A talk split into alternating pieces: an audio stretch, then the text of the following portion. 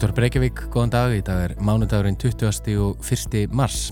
Guðmundi Björn Þorbjörnsson og Katrín Ásmundsdóttir helsa. Þú ert að lusta á fréttaþáttin Hádeið.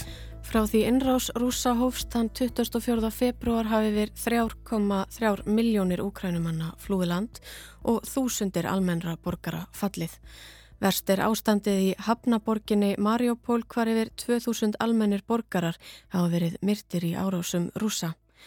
Fríðaviðraður rúsa og Úkrænustjórnar ganga hægt og illa og hefur Volodymyr Selenski, fórseti Úkrænu, sagt að samningaviðraður við rúsa væru korki einfaldar nýja gæðfeldar en þær væru nöðsynlegar. Við förum yfir stöðuna í Úkrænu í síðari hluta þáttarins.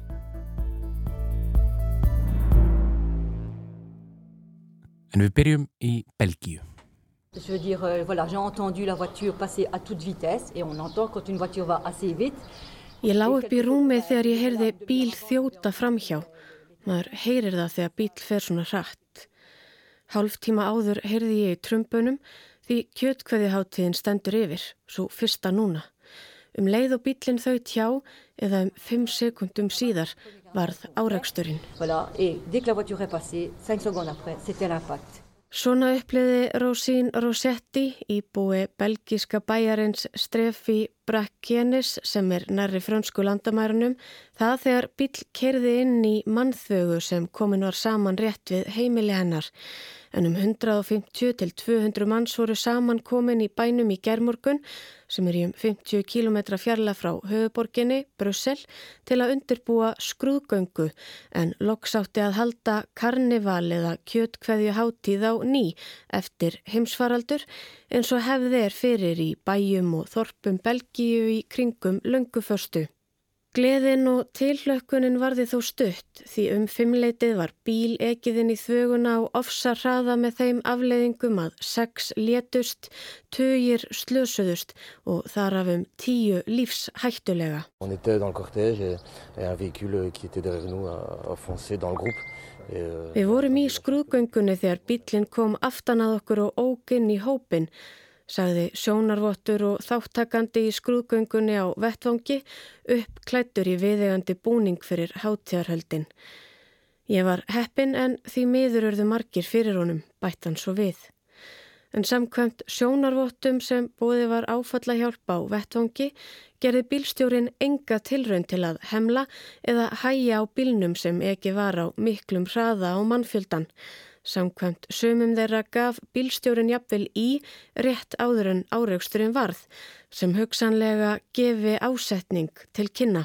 On sortait juste du, du local ici, sur le chemin. On a entendu une, une voiture décélérer, après vouf, accélérer. Við heyrðum í bíl hæja ferðina og svo gefa aftur í, segir Nikola Sespit eitt vittnana.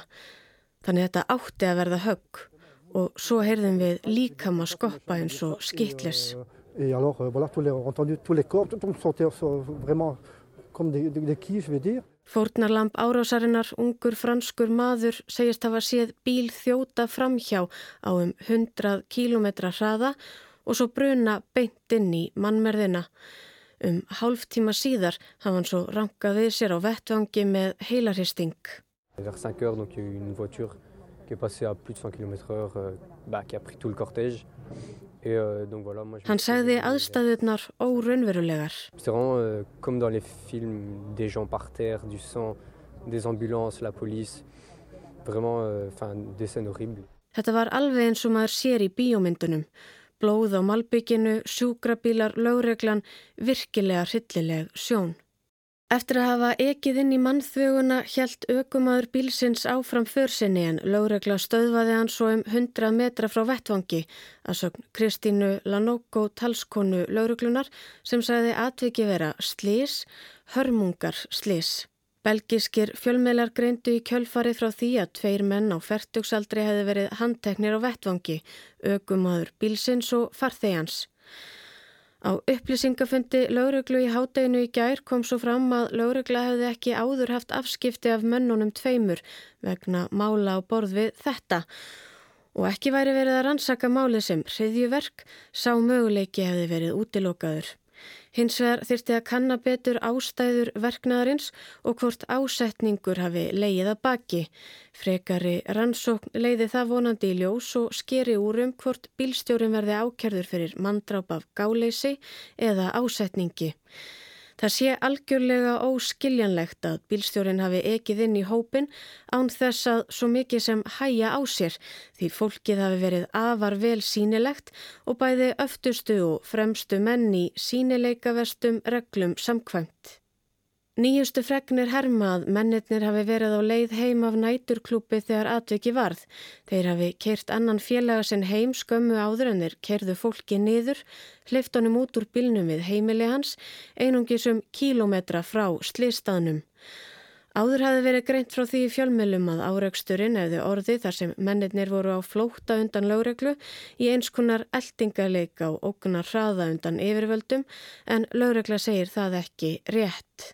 Á þessu stíi er óvíst hvort aukumar bílsins hafi verið undir áhrifum vímuefna eða áfengi sem búið er að taka blóðpröfu úr bílstjóranum og niðurstöðu er að vænta í dag.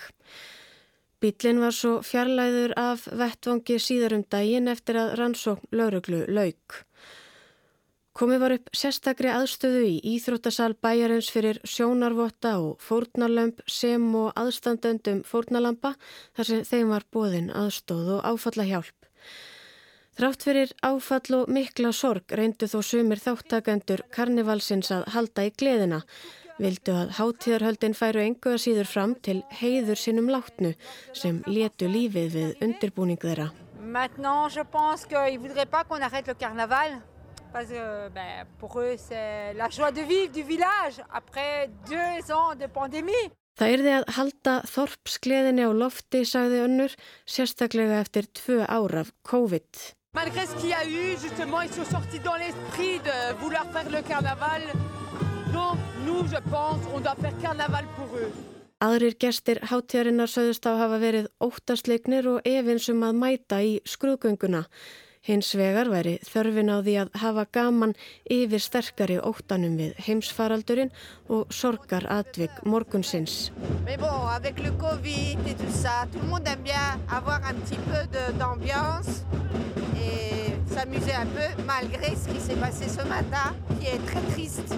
Þrátt fyrir hátíðarhöldin ríkir nú mikil sorg í borginni. Sjaks Góbert borgastjóri segir að líta þurfi á atbyrði gerdagsinn sem þjóðar hörmungar. En borgastjórin átti von á fórsættisráðherra landsins, Alexander de Croo og innanríkisráðherranum Annelís Verlinden sem bóðuðu komu sína síðar um daginn til að taka út aðstæður. Fósættisáðurann sagði fregnir af atvikinu hörmulegar, sagði að samfélag í fagnar hug hefði verið hæft illa í hjartastað. Innanríkisráðherran vottaði þá aðstandendum atviksins innilega samú sína á Twitter, sagði fyrirhuguð veisluhöld hafa snúist upp í harmleik.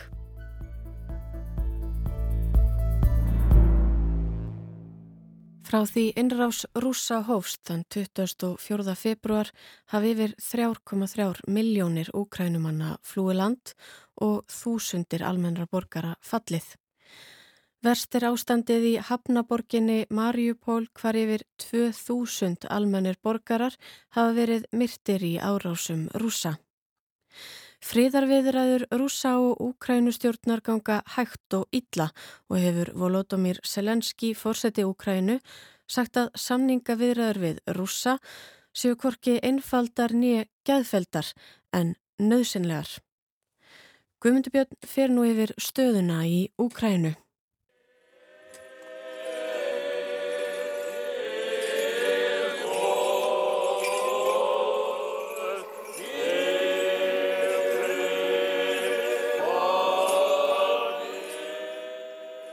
Við erum stöttin í kirkjuheilags Volodymyrs í Kíf í gær. Prestar ukrainsku réttrúnaðakirkjunar annast útför ungs manns sem hitt Alexander. En Alexander fjalli í átökum við rúsneska herin í borgin í liðinni viku. Alexander var ekki hermaður heldur sjálfbóðaliði en barðist þó undir merkjum ukrainska hersins eins og þúsundir almennra borgara hafa gert síðustu vikur. Skömmu síðar var hann borin til gravar af félögum sínum úr hernum.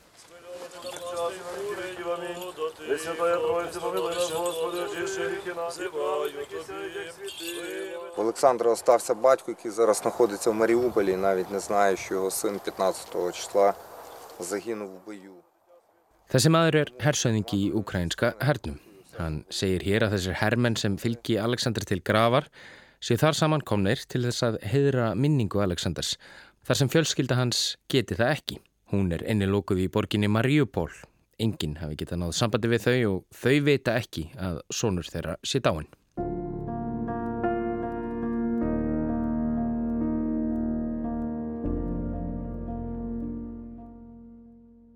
Árásir rúsa á hafnarborgina Mariupol hafa síðustu dagana fæst í aukana og almennir borgarar eru þar inni lokaðir og geta ekki flúið. Rúsneska varnamálaráðanitið hefur kvatt úkrænumenn til að hætta að reyna að verja borgina, leggja niður vopn og forða sér ásamt almennum borgurum. Ef þau gerir það, mun rúsneski herin tryggja öryggi allra á flottanum. Gerir þeir það ekki, verða þeir þá dregnir fyrir herrétt í Rúslandi. Við hvetjum sveitir Úkrænuhers og þjóðvarsliðs og erlenda málaliða til að hætta bardugum, leggja neður vopn og yfirgefa Mariupol eftir flóttaleiðum sem samið var um við Úkrænustjórn til svæða sem lútað yfir áðum stjórnarinnar í kænugarði. Öryggi allra sem leggja neður vopnir tryggt var haft eftir Mikael Misintsev, hersauðingja og yfirmanns hernaðmála í ráðunitinu í kær. Hundruð þúsunda almennra borgara eru inni lókuð í borginni en þar bjóum hálf miljón manna fyrir innrás rúsa. Þau búa þar nú við stöðu og ógn og lífsættu að völdum árása innrásar hersins, ánhitta og ramags og jafnvel húsaskjóls. Auk þess sem lífshættilegur skortur á mat, vatni og livjum blasir við þeim að óbreyttu. Sprengjur, flugskeiti og stórskota hriða á dönuð á borginni síðustu vikur og hvorki íbúar hverfum nýja sjúkrahúsum hefur verið hlýft. Flótamanna hjálp og mannreitindaskrifstofa saminuði þjóðana segja aðstæður í borginni skelvilegar. Og undir það taka fleiri. Rússar hafa framið stríðsklæpi í Úkrænu og það sem á sér staði í Mariupol er ekkert annað en stríðsklæpur, sagði Jósef Borrell, auðvitaðrikismálastjóri í Evrópusambandsins í morgun. Rússar sprengdu, eðilegðu og dræpu allt sem í þeirra vegi væri. Russia is really doing a lot of war crimes. That's the word. You have to say that. What's happening in Mariupol is a massive war crime, destroying everything, bombarding and killing everybody in an indiscriminated manner. Borrell bætti því svo við að þetta væri hræðilegt að öllu leiti og að Evrópusambandið fordæmi aðgerið rúsa. Við erum að tala um stríðsklæpi, sagði Borrell, og fólk er að deyja. This is something awful. We have to condemn in the stronger terms. This is a war crime, a massive war crime what's happening in Mariupol. The city will be completely destroyed and people will be, are dying. Mikið hefur verið rætt og ritað um refseagerðir Európusambandsríkina gegn rúsum og utryggisráþurar Európusambandsins funda nú um frekari refseagerðir gegn rúsum vegna innrásarinnar. Borrell sagði fyrir fundin í morgun að tilstandi að taka orkugeran í landinu sérstaklega fyrir. We'll continue talking about what kind of sanctions we can think again more, especially related with energy. And we will see from the defense minister of Ukraine which is the situation there, how we can continue supporting them. Allt veri gert til að veita Úkrænu sem mestan stuðning, segir Borrell, en fá íbúar Úkrænu nægan stuðning er nóg að beita efnahagslegum refsæðgerðum á Rúsland og meðan Úkræna, eins og við þekkjum hana, verist verið að þurkast út. Stjórnvöldi í bandaríkunum munu ekki senda herrmenn til friðagjastlu starfa í Úkrænu þegar og ef til þess kemur að alþjóðlegt friðagjastlu lið verið sendt til landsins. Þetta sagði Linda Thomas Greenfeld, sendi herra bandarækjana hjá saminuðu þjóðunum nýverið. Hún bróst þar með við hugmyndum sem pólverjar hafa sett fram um að fríðargæslu lið á vegum Allandshalsbandalagsins kynni að taka þátt í að tryggja fríði í Úkrænu. Hún sagði að Joe Biden bandarækjafósiti ætlaði ekki gera neitt sem geti leitt til þáttöku bandarískra hermana í vopnuðum átökum vegna stríðsins. Biden fer á förstudag til Póllands þar sem hann mun ræða einráðs rúsa við Andres Duda, Póllands fósita. Biden heldur til Póllands í beinu framhaldi af mikilli fundaröð með leðtugum NATO, G7-ríkjana og Evrópusambandsins í Brussel síðar þessari viku þar sem Úkrænu stríðið verður líka í brennitefli. En á meðan heldur Úkræna áfram að eðileggjast og landsmenn að deyja sem fyrir segir er ástandið einna verst í Mariupól Það er helviti líkast, líkt og Tamara Kavunenko, íbúi í borginni, saði í samtali við AFP fréttastofuna um helgina. Þetta er ekki lengur Mariupol heldur helvíti, þar sem gödurnar fyllast af líkum almennara borgara, sagði hún. Rauðikrossin hefur líst í yfir að staðan í borginni sé líkt og heimsendir hafi reyðið yfir, en sangkvæmt óstafistum tölum hafa yfir 2000 almennir borgarar fallið frá því að rússar reyðust þar inn. Grískur stjórnareirindriki sem helt kyrru fyrir í Mariupol til 15. mars drátt fyrir sprengjuregn og stórskota hríð segir eðileggingu borgarinnar jafnast á við mestu hermdarverk sem saga strís átaka mannsinn skeimir. Mariupol verður á lista yfir þær borgir heimsins sem hafa verið gjör eðilaður í stríði, borgir eins og Guernica, Stalingrad, Grosni og Aleppo, sagði erindrikinn Manolas Andrulakis en hann var kjörraðismadur Gríklands í borginni. Og undir þetta tekur fósetti Úkrænu, Volodymyr Selenski, sem segir að umsátur rúsaði um Mariupol og gengdarleusar árásir þeirra á borginna verði skráð á spjöld sögunar sem stríðskleipur. Að gera þetta friðsamlegri borg Það sem hernámsliði gerði er grimdarverk sem verður minnst um aldir, saði fósettinn, en nýlega gerði hann loftáros rúsa á listaskóla í borginni að umtalsetni sínu í áarpi til ukrainsku þjóðarinnar. Á blokadnumu Mariupoli rassíska aviácija skinula bombu na skólu Mestet.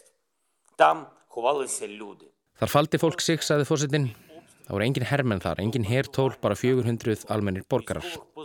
Tam búlu blíska 400 mörgnig людей.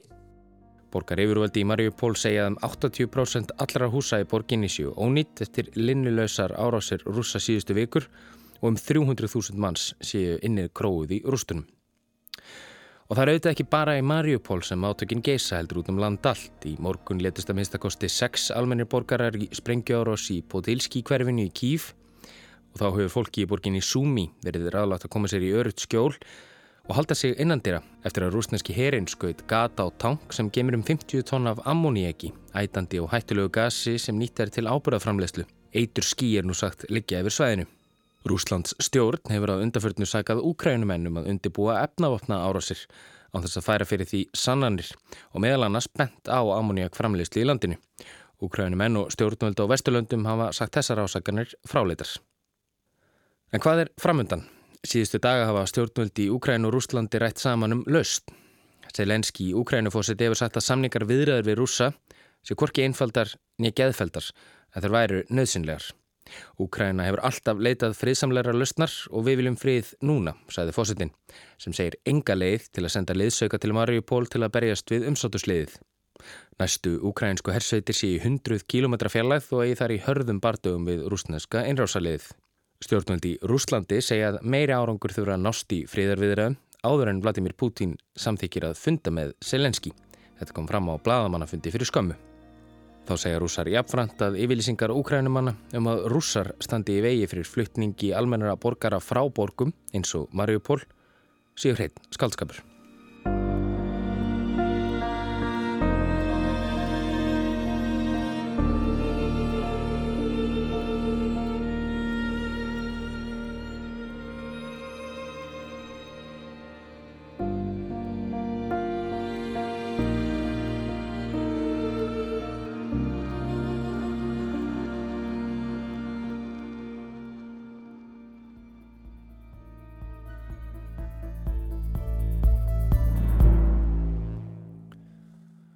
Og við þetta má bæta að saminnið þjóðnar áallaðum 6,5 miljónir manna sé á flotta innan landamæra Úkrænu til viðbútar þeim 3,3 miljónum sem hafa flúið úr landi frá því að rússar reyðust þarinn 24. februar. Þetta kemur fram í greinagerð samræmingar skrifstofið mannúðamála hjá saminuði þjónum þar sem vísið er í törur og gögn frá annari stopnun samtakana, alltjóðlegu fólksflutningastofnuninni. Sakat heim vorum 6,4 eða 6,5 miljónir í rakningum á flóta undan stríðinu hinn 16. mars. Heldar fjöldi fólks á flóta frá stríðsátökunum í Ukrænu nálgast því óðum 10 miljónir þegar einungis hálf fjóruða vika er liðin frá því að einars rúsa hófst en til samanbyrðar er talað á bylinu 12 til 13 miljónir sé á flotta vegna stríðsátakana í Sírlandi, innan Sírlands og utan.